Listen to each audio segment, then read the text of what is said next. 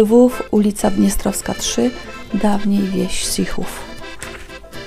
Na stole dokumenty, bardzo stare, polskie. Maria Sidor. Widzi pani, fotografia na kartoniku. Coś na kształt dowodu osobistego. Jest i lubka. Identyczność osoby Maryi Sidor zamieszkali w skrócie w Zamarstynowie, ulica Ogrodnicka, Boczna, teraz to jest Sienna, 623, teraz jest Sienna 12. Religia, w skrócie, rzymskokatolicka, rok urodzenia 1875, mało przeżyło, 25 i 20, 45 lat. Siedmiorga dzieci miała. W Sichowie, powiat Lwów. Ojciec na rowerze na ćwiczeniach przyjechał do siostry swojej żony. Przodkowie Romana Sidora od wieków na Kresach. On sam urodził się i mieszkał do wybuchu wojny w Podlesiejkach, na Nowogródczyźnie, gdzie rodzice byli nauczycielami. Zobaczyłem te Podlesiejki. Stoi stary dwór szlachcica Sokolowicza, Gustawa, z jego małżonką Weroniką, która przyjmowała mnie, poród mojej mamy. To był dwór na 12 pokoi, 700 hektarów, y, zadłużonych rządca tego majątku wspaniale żył, a Sokolowiczowi, staruszkowi z siostrą Sokolowicza biedowali i wynajmowali w swoim własnym domu mieszkanie nauczycielom. Rodzice ślicznie ubrani, chyba dobrze im się powodziło. miesięczne dochody były 500 zł. To była ogromna suma. Moi rodzice tam pracowali, tam się poznali. Ślub brali w Wilnie, kościele świętej Anny, w najwspanialszym kościele, który pokochał i zazdrościł sam Napoleon, gdy przyjeżdżał Wilno i mówi, gdybym ja mógł, bym kościół świętej Anny przeniósł na swoim ręku. Ja bym pani pokazał jedyną rzecz, która mi została od mojej mamusi z lota. Obrączka jej, zdjęta już ze zmarłej. Pełno rodzinnych pamiątek. Na półkach polskie książki, w szafach zakazane z czasów Związku Radzieckiego gazety. Jak na Batiara przystało lwowskich piosenek bez liku.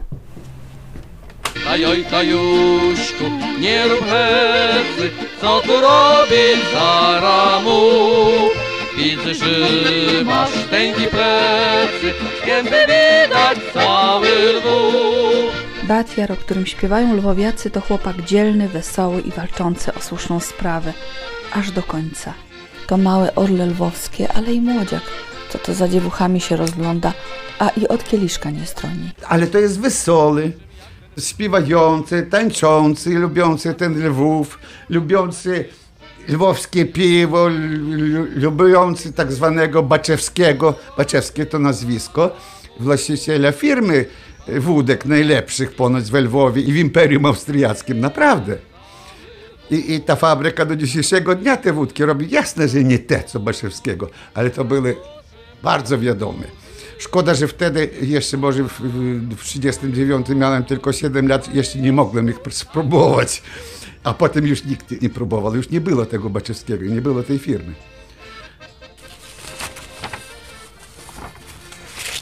Pierwsze pokolenie lwowskiego radia pracowało tutaj i u mnie tutaj za tym stołem gdzieś przynieśli ten zapis.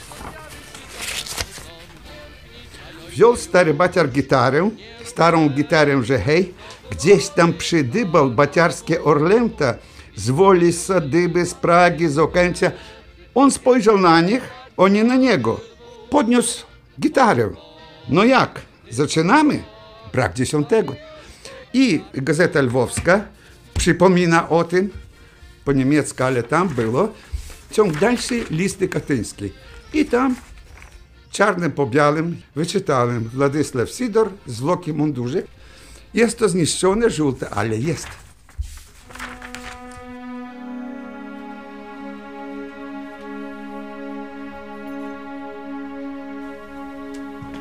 Na każdej ścianie, nad łóżkiem, zdjęcie ojca w mundurze oficera.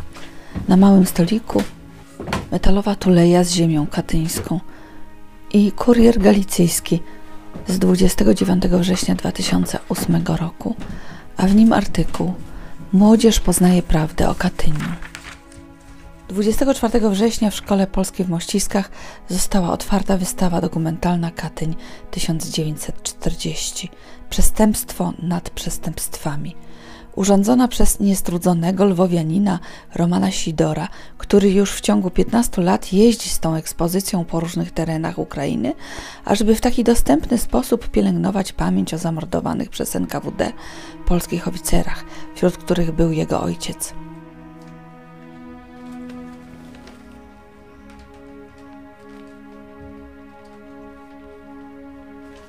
Gdyby mój ojciec nie był taki lwowski baciar, ja nie powiem jak ja, ale ja uciekałem kilka razy od nich, a on jeden raz uciekł z oflagu niemieckiego.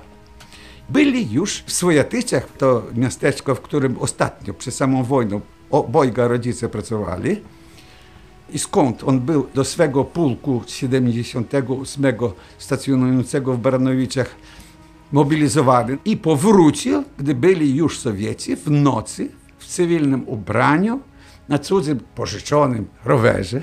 Uciekł z niemieckiego oflagu, nie wyobrażając sobie, że ja teraz po 70 prawie latach wiem, na pewno wiem, gdyby on nie był taki chwacki baciar i został w oflagu niemieckim, przeżyłby wojnę spokojnie i byłby albo w Anglii, albo w Ameryce, albo gdyby chciał, to by powrócił do Polski. I to prawda. Sowieci teraz w dokumentach, ja mam to w wystawie, którą już oglądało tysiące ludzi tutaj w tych sześciu obwodach. W sowieckich izwiestiach tłumaczonej przeze mnie jest i oryginał tej gazety. Za koniec 94 roku, za kwiecień, taka Rosjanka, historyk Lebediewa pisze, назвала ten artykuł Katyń przyznać prawdę очень trudno. Ale ona tam daje bardzo dokładne dane, niewiadome jeszcze wtedy, to już 15 lat prawie temu, że mniej więcej taka sama ilość w niewoli polskich oficerów i polskich tam policji odpowiednio, tych, którzy byli w sowieckich lagrach, przeżyło 97% po niemieckiej stronie, a tyle samo było, co i po sowieckiej. A z sowieckiej 97 zginęło, a tylko 3% zostało przy życiu.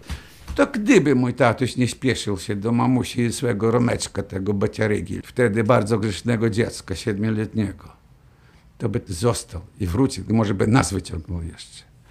A tak, po powrocie mego tatusia, który nie wiedział, co robić, czy się chować, czy nie, ale już się dowiadywał, że znikają ludzie. Ziemian już aresztowali. Jeszcze część policji uciekła w stronę Litwy. Litwa nie była przez Sowietów wtedy jeszcze okupowana. Ziemian, fabrykantów, ludzi nie tylko wykształconych czy inteligentnych, a nawet prosto bardziej aktywnych, którzy potencjalnie mogli być szkodliwi dla Sowietów, do więzienia brali ich.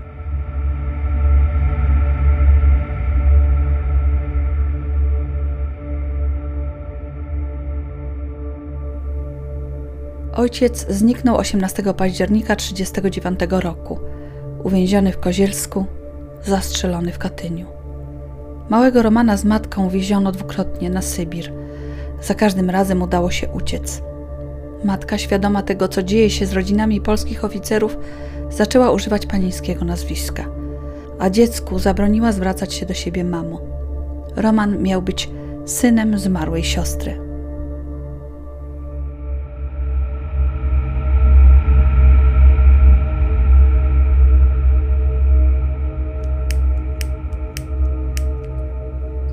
Ja uczyłem się mówić do mamusi ciociu. I kiedy 22 czerwca w 1941 roku, ja tą datę też pamiętam, jak Niemcy zaczęli zrzucać bomby na Lwów, na lotniska, na dworzec kolejowy, na centrum, na pocztę, mamusiu, tatuś wróci. Wojna się zaczęła. To rosyjskie przysłowie, komu wojna, komu mać radna. Dla mnie to była radość, bo tatuś wróci niemieckie to ja słyszałem w domu cały czas od rodziców, dlatego że austriacki zabór w Galicji To się znało perfektnie niemiecki. Coś mówili między sobą rodzice, żeby dziecko nie usłyszało, to ja to słyszałem i tak się od tego zaczęło. Dwa lata za Niemców byłem w gimnazjum. To ja jeździłem zawsze tam, gdzie napisane był Nur für Deutsche und Verbindungen. W każdym razie nie byliśmy już na tyle głodni. Dlatego, że przy Sowietach to było wszystko deficytem, było od razu dla ubrania, dla obuwie. To ja pamiętam, jak no, na slomie jest jedno prześcieradło. Za Niemców to już było całkiem inaczej. Po pierwsze, Niemcy pozwolili robić to, co było przed wojną. Nauczyciel przy szkole miał ogród niezły, sadem, była stajnia nawet, moglibyśmy teoretycznie i krowę trzymać. Koźlątko mamie sprezentował jeden wieśniak. Za pół roku już było mleko od tego koźlątka, to już kostka była. 20-30 kur było. Oprócz tego było cztery morgi, a morg to jest 58 arów, to więcej jak 2 hektary szkolnego pola, które sam kierownik szkoły nie obrabiał, oddawał w arendę wieśniakom. Kolgospu nie było. To był Pryślak, Kulik, Kulik Polak, Pryślak Ukrainiec i Kaliciński Ukrainiec. To ten miał dwa morgi.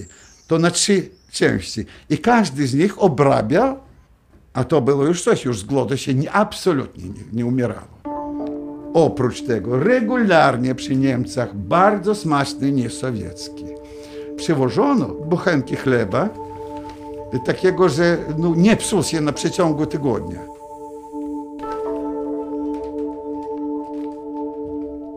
Jeszcze do końca wojny, oho, ho, jeszcze stąd brali młodzież. I polską, i ukraińską do sowieckiej armii. Ale już zaczęli i rozstrzeliwywać, i aresztowywać. Nie tylko za, za współpracę z Niemcami, po donosom, masowe, o wiele większe od niemieckich. Potem całą Ukrainę, Żukow, Chruszczow konkretnie, są dokumenty otwarte w gazetach nadrukowane. Zwracał się do Berli wtedy, do Stalina, że wszystkich Ukraińców, nie zależy od narodowości, ale będących w okupacji w niemieckiej, wywieźć na Daleki Wschód, do Kazachstanu, w tundru i, i tak dalej. Nie mieli już wtedy siły tyle. Nie, nie mieli tyle siły, żeby cały 50-milionowy naród wywieźć, ale chcieli. No wywózki były jedna za drugą. Rodzinę ojca wywieźli całą. Mamy we wsi tam nie ruszali. A tutaj masowo, tutaj ciocia Zosia opowiadała. Ludzie się bali każdego Moskala. Mógł być Ukrainiec i po ukraińsku mówić, tylko że z akcentem wschodnim wszystko jedno to był Sowieta. I takich tylko wypróbowanych wysyłali z początku. Przychodził Nagan na stол, сука, давай собирайся, уезжай. Z Kuchajowa Kulik pojechał, Pikota pojechał. To ja pamiętam ludzi. Mama musiała jakoś mnie, żeby do średniej szkoły, pozwolono mamie mnie oddać do po rosyjsku dziedoma, domu dziecka. Czyli to był taki internat, tak? To był dom dziecka. Tam byli od czterech, od pięciu lat naprawdę dzieci, żydowskie dzieci, które przeżyły. Ale to był jeden rok, od września do, do końca maja. W rezultacie ja ukończyłem gulag. Z 10 klasy dostałem 10 lat.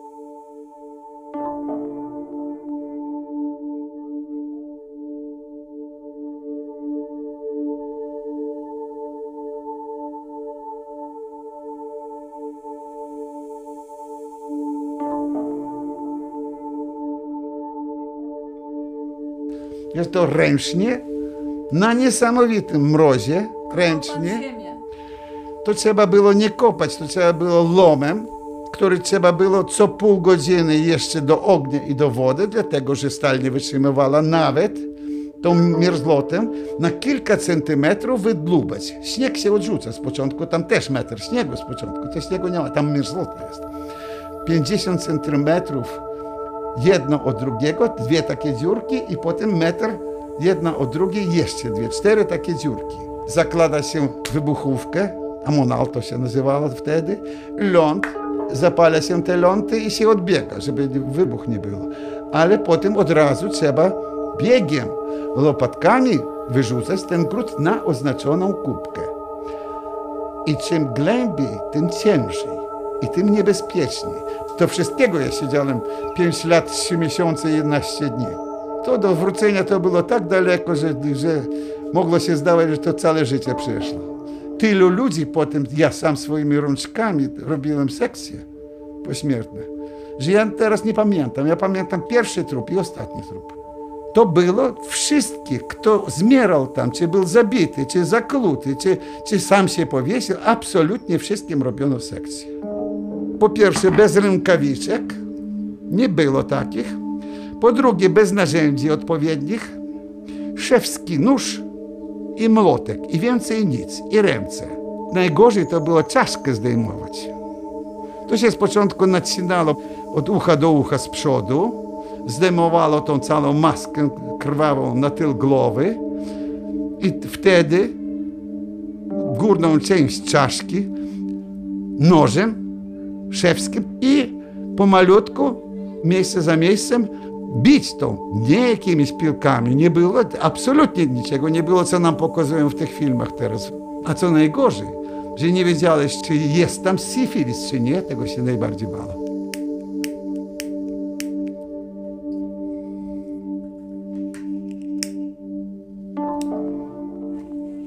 Komunista, Żyd z pochodzenia, i jego ojciec tutaj sowiecką właść kolgospy organizował, ale on był sowiecki Żyd, to nie polski. To różnica jest ogromna, to nie religijny.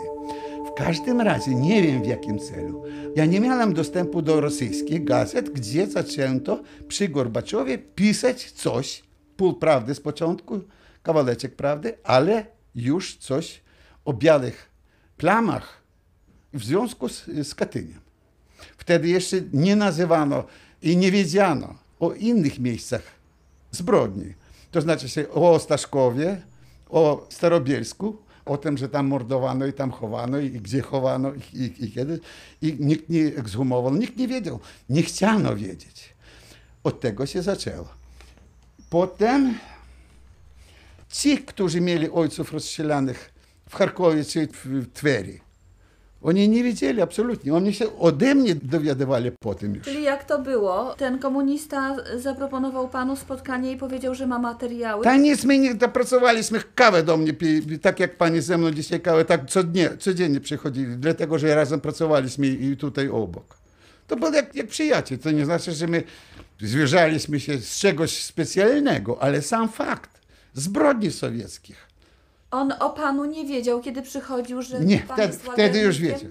Ale to było już Gorbaczow, a potem już Jelcyn. To już była Jak różnica pan ogromna. myśli, że to jest jego wyrzut sumienia, zadośćuczynienie? Mnie, ja mam wyrzuty sumienia, że ja powiedziałem o nim. To nie jest ważne. Dla mnie jest ważne, komu można zawierzyć i komu je, mnie się zdaje w każdym razie, że on na mnie nie donosił. Bo to jest ważne.